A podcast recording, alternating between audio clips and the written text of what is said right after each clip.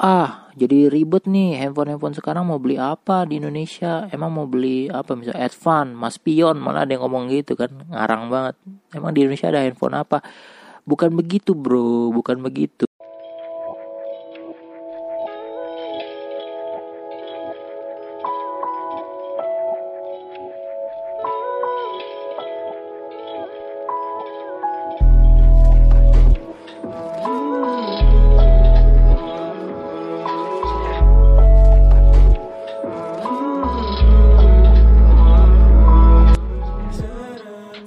Assalamualaikum warahmatullahi wabarakatuh. Kembali lagi bersama gue Reza Noval di podcast Kata Reza Episode ke-31 Direkam langsung di kamar gue Di rumah di daerah Depok Bersama istri dan anak gue.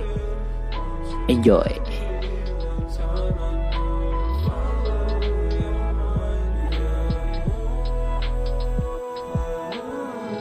Oke okay guys, seperti kalian yang udah uh, sudah kalian baca di judul podcast ya, episode ke-31 ini gue akan mengupdate kabar terbaru tentang pemblokiran handphone yang emailnya tidak terdaftar. Nah, lo uh, episode sebelumnya gue bahas ya. Jadi secara pintas uh, memang ada kabar bahwa pemerintah akan memblokir email handphone yang ilegal kayak gitu ya ternyata eh ternyata setelah gue liatin perkembangan beritanya kayak gimana ya ke arah mana ini ada official news ya dari Kemenperin Kementerian Perindustrian Indonesia nih tentang masalah email-email ini nih blokir-blokir email gue coba ngutip dari uh, official account twitternya Kemenperin ya.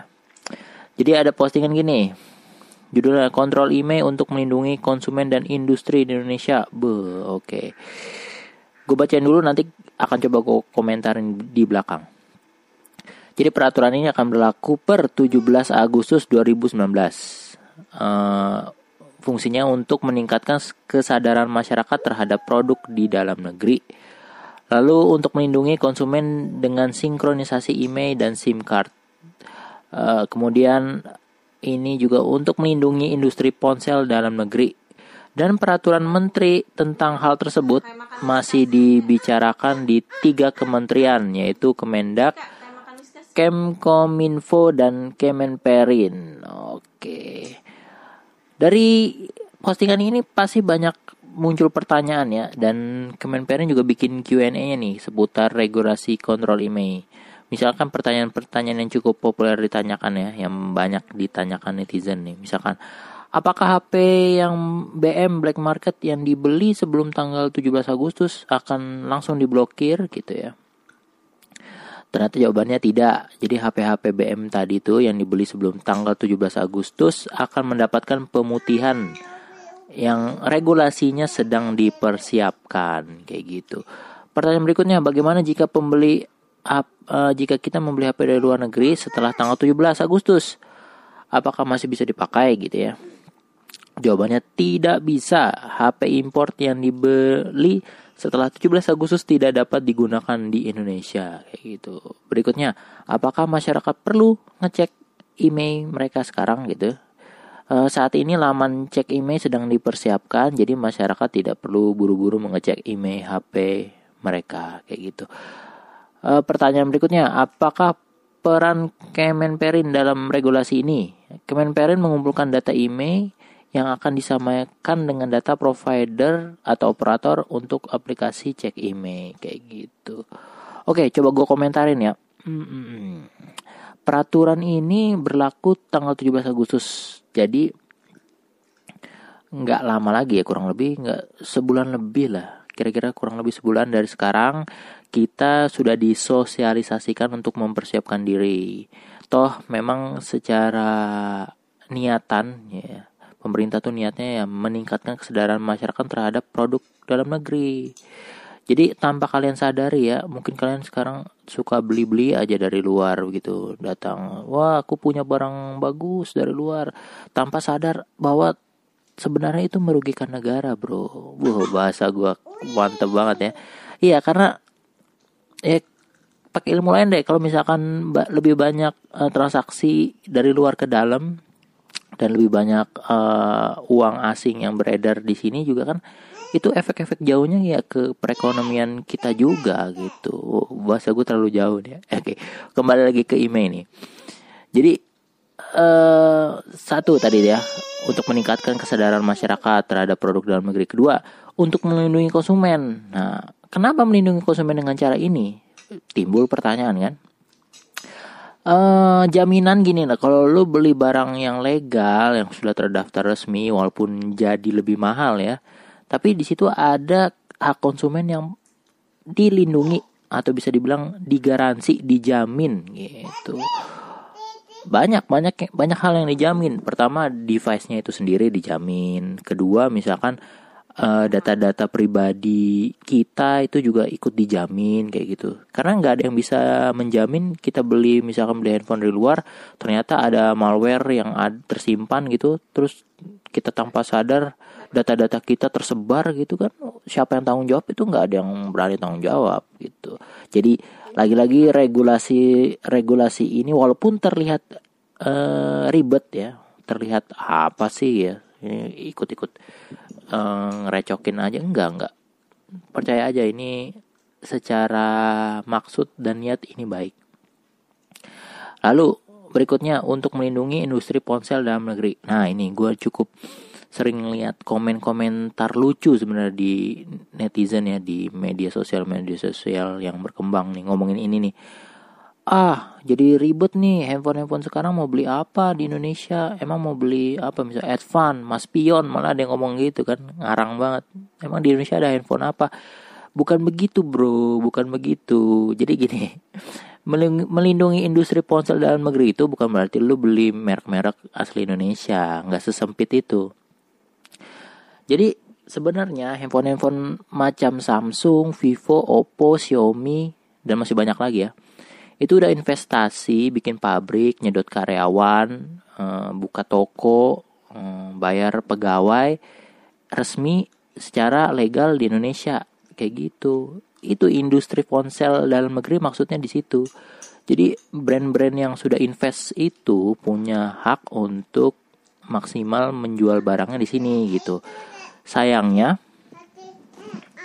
dengan keberadaan handphone-handphone ilegal itu tidak menghargai kontrak tersebut kayak gitu. Jadi ya wajar aja sih.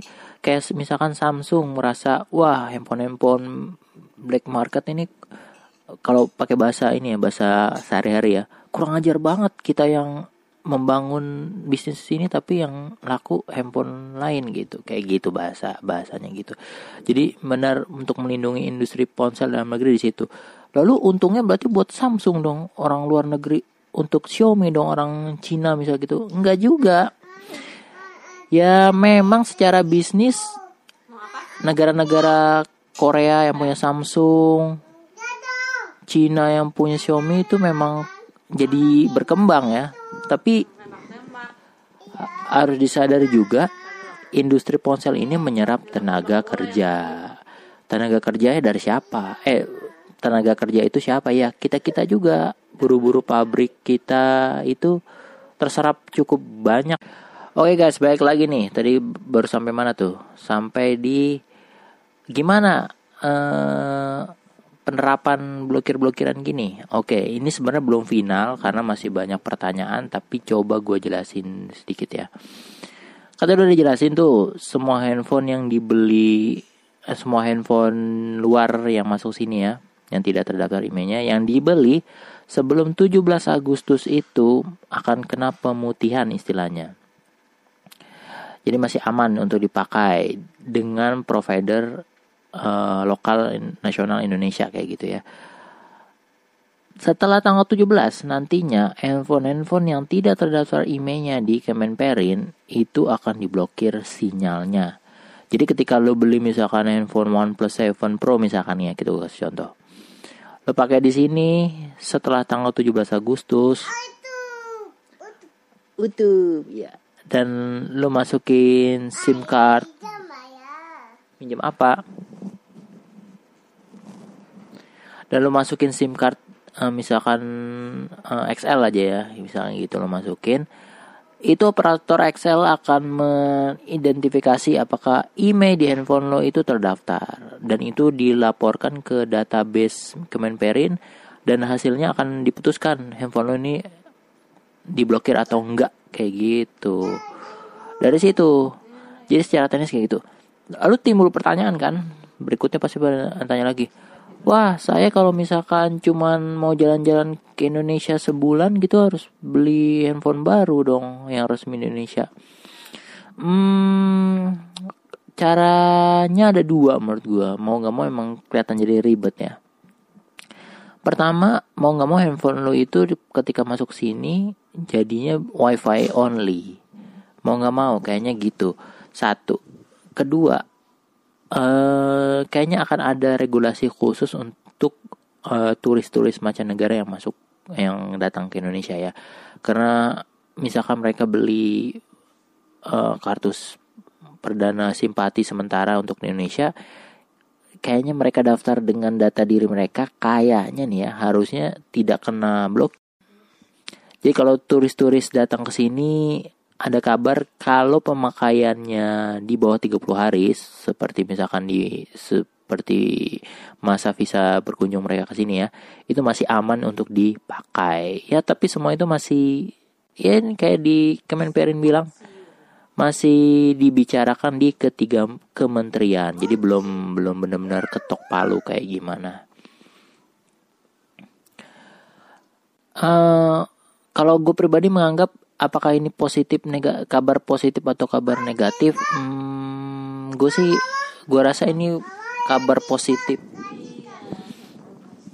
Positif aja positif gini karena kita tuh hidup harus positif ya.